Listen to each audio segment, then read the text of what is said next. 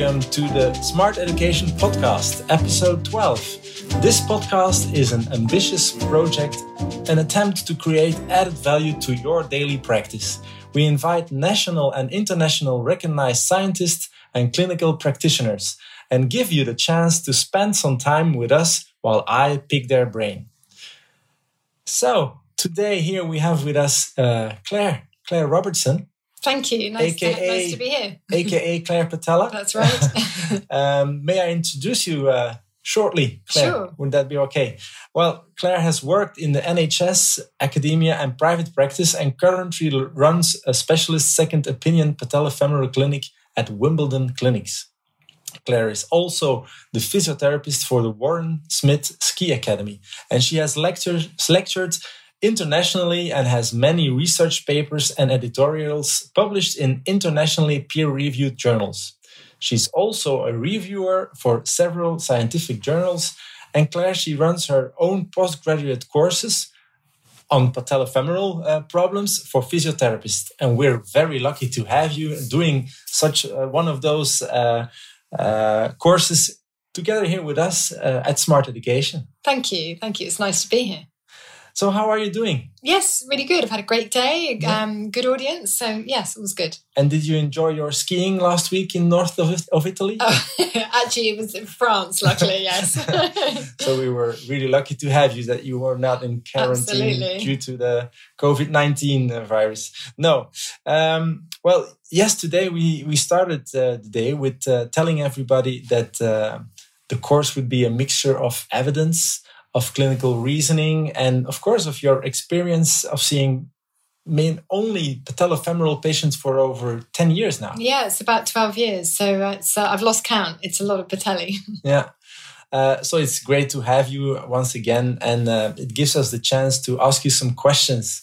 Um, first of all maybe i start off with, with the question. Um, we've seen a lot of uh, um, assessment uh, tools today.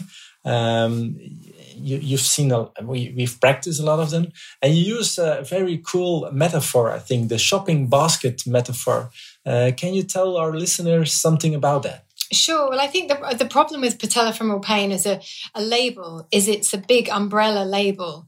And you can get anything from an obese, hypermobile teenager through to 45 year old ultra marathon runner.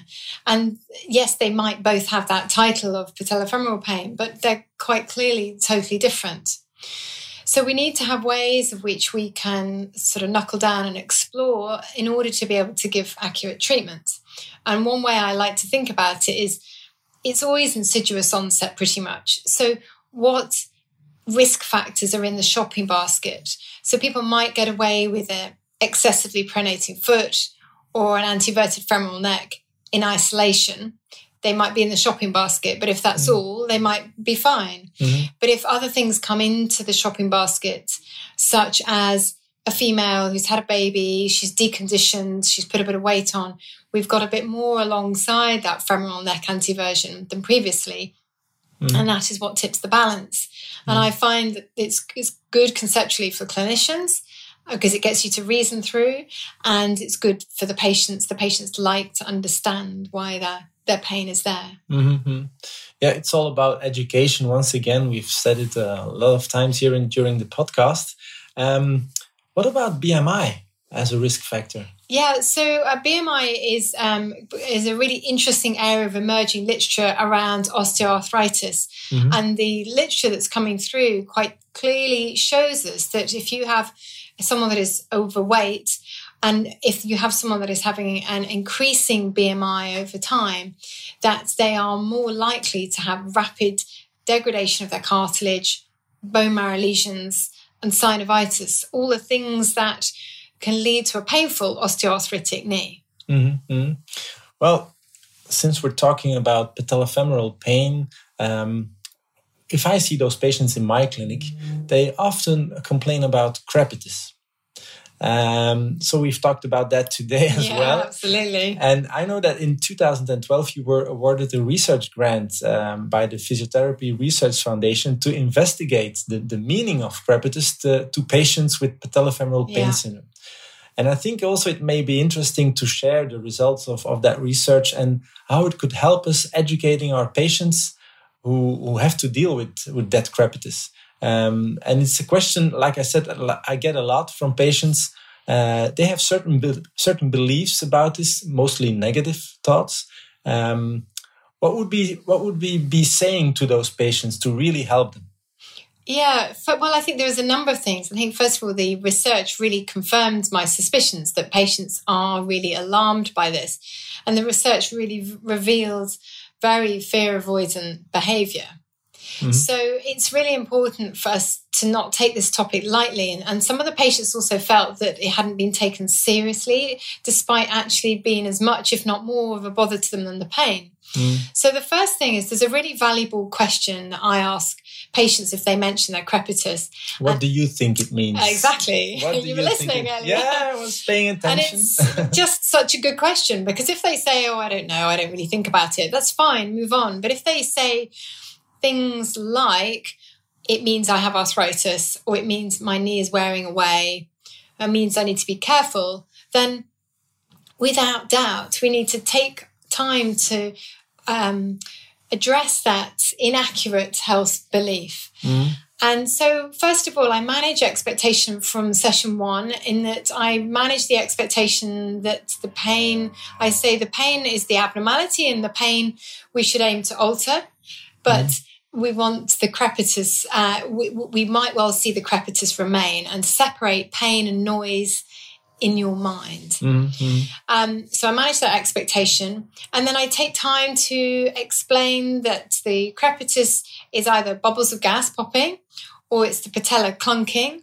Mm. Or sometimes it's what perhaps creates the most alarm. It's that fine grating patients often get it on the stairs and mm. that's um, uh, a phenomenon where you get fluid moving through a slightly uneven surface mm. so if we view it as a normal finding to have some irregularity in the retropatellar cartilage then when the fluid moves through that we may well get some noise from it yeah. and it's okay it doesn't demonstrate level of degradation it mm. doesn't mm. um, have any correlation with the rate at which the knee is going to change or deteriorate. And actually, further research has been done since my research looking mm. at this quantitatively, even looking at it with people with osteoarthritis, showing that it does not increase your odds of needing a knee replacement. Mm-hmm. But I think people skim over it as a topic. I think people don't it's a funny topic isn't it noisy knees so mm. people often don't take it seriously yeah and one patient said to me I mentioned it to my GP, I mentioned it to my orthopedic surgeon, and I've mentioned it to physio, and they don't seem to take note. And it's it might not be important to them, but it's important to me. Yeah. So it's well, worth I, taking the time out to talk I, about I plead guilty also a little bit. Sometimes I say to them, just don't bother. It doesn't mean yeah, anything. And it's, uh, but on the other hand, they need some more. Uh, explanation about I think it. That's and I right. liked I liked the analogy that you did. Uh, maybe you could elaborate on that as well. With the carpet. Yeah, with yeah. The, the, water on a flat surface, yeah. and if you sure. put friction on it uh, versus the water on a carpet. Yeah. yeah. So I say to patients, look, if I pour water on a flat table and swish it around, we won't get much noise. But if we pour it on a thick carpet, and I often use that opportunity to say the thick carpet's like your thick cartilage that is present in your knee. Mm-hmm. So I reinforce the fact that cartilage is there and it's fine if I if it's uh, if I swish it around on the thick carpet, I'll get the sort of noise from yeah. the friction. Yeah. And this is the same as what is going on in yeah. the in the knee. Yeah. yeah. And it's really important and to decrease that alarm. And in fact, I had a really interesting situation recently where a patient came to see me and we had a big conversation about crepitus. And I, he didn't live nearby, so I referred him back to his physio. And then the physio phoned me and said, "Oh, the patient's not come back." And I said, "Oh, that's strange. Let me phone the patient." And I phoned the patient, and he said, you know, after our conversation about crepitus, I just decided to get on with life and not worry about it. And you know what? I'm fine. Mm-hmm. Very good. Well, um, you also uh, made, I think it was your leaflet, uh, Why Are My Knees Noisy? Yes, exactly. Yeah. So I did that in conjunction with Musculoskeletal Science yeah. and Practice. Would you, that be something that you you might give us the uh, okay on to to translate that to, to Dutch? Yes, of course, Yeah. absolutely, Yeah. because it's a really useful handout. Yeah, we could use it so for, for physiotherapists can use it for in their uh, waiting room Yes. for their patients. Yeah. Yeah, and it's Okay. another sign I'm taking seriously. I'm taking it seriously enough. I've got a leaflet here for you on it. Mhm, mhm. Okay, let's move on to um, fat pads. Lovely. yeah. uh, quite often, the fat pad or Hoffa's pad can be seen as a source of nociception in uh, the anterior knee region. Uh, and I think it was on Twitter, on your Twitter account, you made a remark about fat pads. Uh, your catchphrase, catchphrase with fat pads is they're tricky, but not impossible. Absolutely. Yeah. I see a lot of these patients. A lot of them have, have found me on the internet, and a lot of them are at the end. At the the end as a tether with this problem. I Mm. think for a number of reasons. I think it's nasty pain. It's the Mm. one that has people in tears in my clinic. I would say more than anything. It's very irritable. So often when people think they're getting better, then suddenly, boom, it off it goes again. Um, and I think the third thing that really upsets people is the fact that the worst two things for it generally are standing and walking, which Yeah. is so difficult to eliminate Yeah. because it's very much a problem that's aggravated with extension. Mm. Well, uh, an, an example of irritation of the fat pad um, is sometimes seen uh, in arthroscopies. Absolutely. Um, Because they have to go through the Yeah. fat pad arthro- with the tools. Yeah. So definitely. And one other thing in ACL rehab, um, you see, and it's it is important that uh, physiotherapists try to go to the end range of extension Yeah. uh, in the presence of a puffy, painful fat pad. And how do you deal with that? What, what, what choices do you make? Make because if you try to go full for the end range, um, you might irritate the fat pad at the same time without knowing that you're actually maybe I think it giving, can be a real dilemma. to. I think it can be. And I think once they've got full, easy, passive extension, um, then we have to just say to the patient, right, we need to just check each day that you're not losing that or it's not tightening up, but don't keep hammering that fat pad because actually that's going to become a really big problem too. Mm. And then you won't be able to extend your knee because the fat pad is so sore.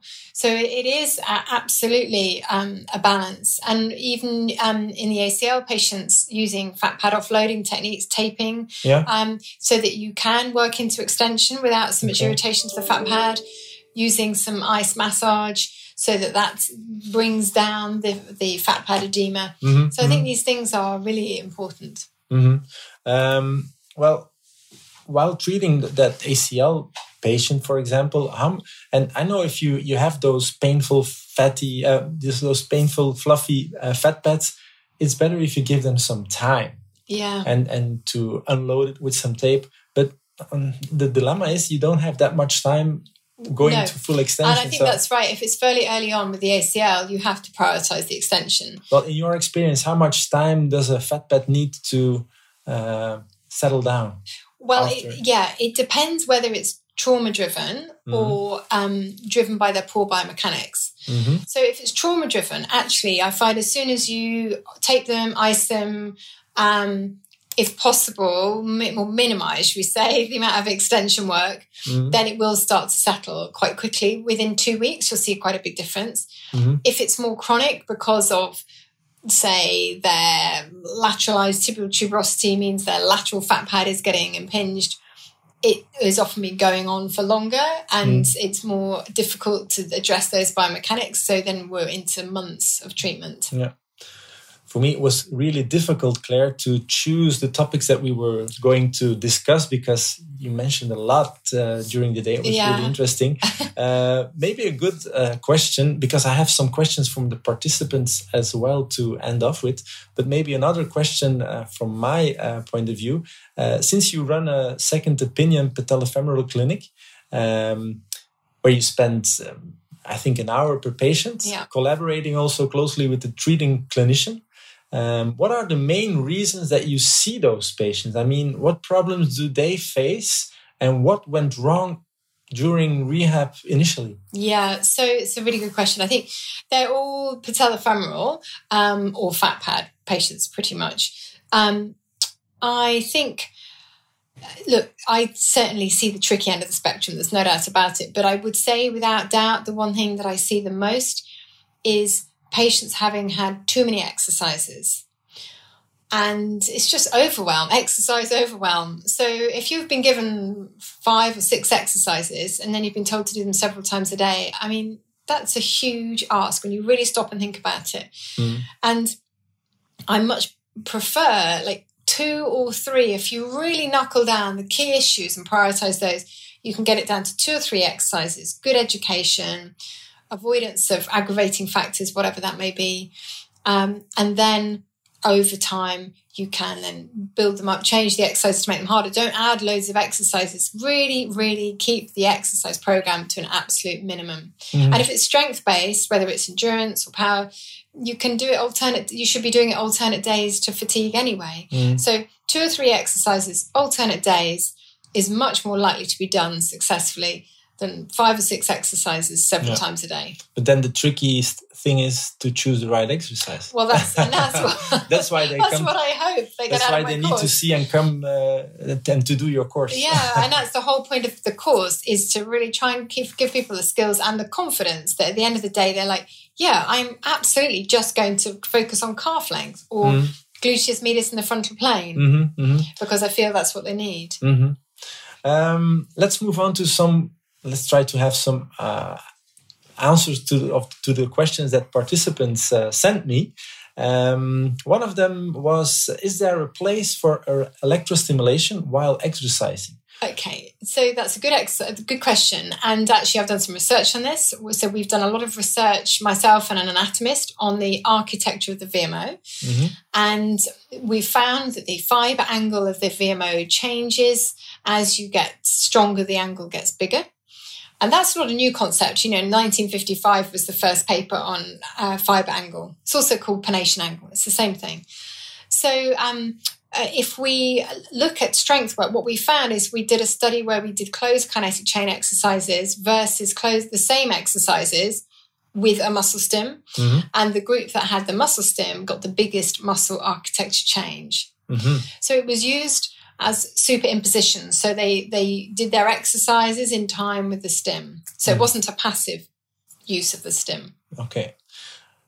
A, a question that uh, pops up uh, multiple times. What about orth- orthotics in uh, and reduction in the patellofemoral pain? Yeah, I know I, it's a big sure, question. But I think that difficult to a, have a short answer. Well, I think the short answer is yes. For some patients, it's highly relevant and highly successful. Mm. First of all, ask them: do, Are they different in different shoes? And when they're padding around the house barefoot and socks, going up and down the stairs, and if they're categorically no different at all in any shape or form in different shoes mm. or barefoot, I would question how relevant the foot biomechanics are. Mm. But if some of them can identify, oh, yes, my pain is much better when I'm in this shoe or that shoe, um, then it's starting to give you the clue that maybe an orthotics is going to be useful. And then you obviously yeah. need to be looking for that excessive pronation when you assess them. But would you agree if I say um, that it's a good idea on the short term?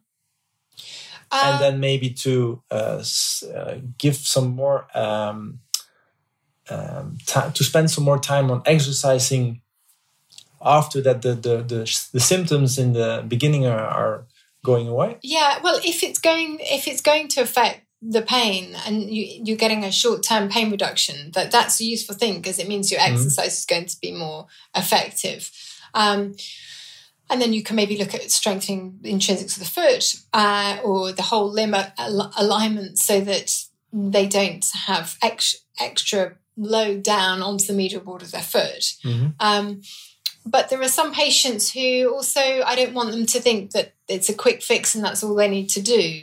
Mm-hmm. So again, it's patient selection, isn't it? If I don't want them to become passive in the process, so I bung this in my shoe and mm-hmm. it's fine. Mm-hmm. Okay, I had some another question, but um, maybe one last one. Um, uh, what about uh, shockwave in treating uh, for example, uh, patella tendon? And is, what is your experience on that? Do you use it in your clinic, or um, do you? We don't actually use it in the clinic. Um, I've talked to some of the other sort of tendinopathy gurus yeah. about Seth this. O'Neill, yeah, exactly. I know you yeah. are close friends. yeah, yeah, yeah, Seth came on my course actually. So oh. yeah, he's Seth. Seth great and. Um, I personally think that shockwave is used better on other tendons than the patella tendon. Um, so I do think generally with the patella tendon, with good rehab and removal of risk factors, you should be able to manage the tendinopathy. Mm-hmm. Your husband, he's an orthopedic surgeon, is he? the cat's out the bag. yeah, he's a knee surgeon. It's he's a knee specialist. Yeah, it's ridiculous. And I wonder, what do you talk about during dinner then uh, after work? Is it all the about? Patients ask this, and they're like, "Do you just talk about our knees?" I'm like, "Well, we're quite sad, but maybe not that sad." So we, yeah. we do have a life beyond knees. yeah. Uh, and talking about your life, how difficult is it to keep balance as a working mom, yeah. patient, doing patients, giving lectures, doing research. And I'm sure a lot of our listeners are struggling with the same issues. Uh, where everybody's working hard, uh, passionate about what they do. Um, do you have any suggestions? I know it's not yeah, about patellofemoral, but we. I guess time management. I'm at like a military operation at home with oh. my time management. I have to be. It's the only way that I can get everything done. So mm. I'm really, really organized. Mm. Um, and then I guess just prioritizing. So, and also, you know, like with my academic reading, I always have stuff on me, always that I can read. So if I'm waiting for a train, mm. if I'm my haircut, I'm always reading. Just I use all those funny little snapshots of time. That would be my top tip just always have stuff on you. You can read or listen to podcasts. Podcasts. there we go. See? yeah. Yeah, yeah, yeah, You're driving to work, listen to the podcast. Yeah. Use that time wisely. Yeah. I'll give you the chance to um, invite the, our listeners if they want to uh, know more about your work and what you do. I know you have uh, something for them to how they can follow you. Sure. So I've got uh, my Twitter, which is Claire Patella, and my website, which is www.clairepatella.com, and the Claire's got an I in it. Um, there's lots of resources for clinicians, but also for patients. And the patients I've have reported that they find the, the case studies helpful and i guess that sense of i'm not on my own there are other people out there with it mm. um, and then finally i do my pick of the bunch which i identify the best three papers as i see it in the field for clinicians every three months and i send those references out so if people are interested in that they can just sign up for that for free on the website Okay, thank you very much, Claire. Thank you. Thank you for having me. Thank you. And I want to end off with uh, uh, inviting the listeners to uh, uh, follow us on our uh, YouTube channel to uh, have a look on our podcasts, uh, the other episodes, because I'm sure you'll find something in there would be that would be interesting for your practice. And uh, be uh, be sure to watch out for us because we'll be coming back with some more international speakers in the nearby future. So for now, all the best. See you soon.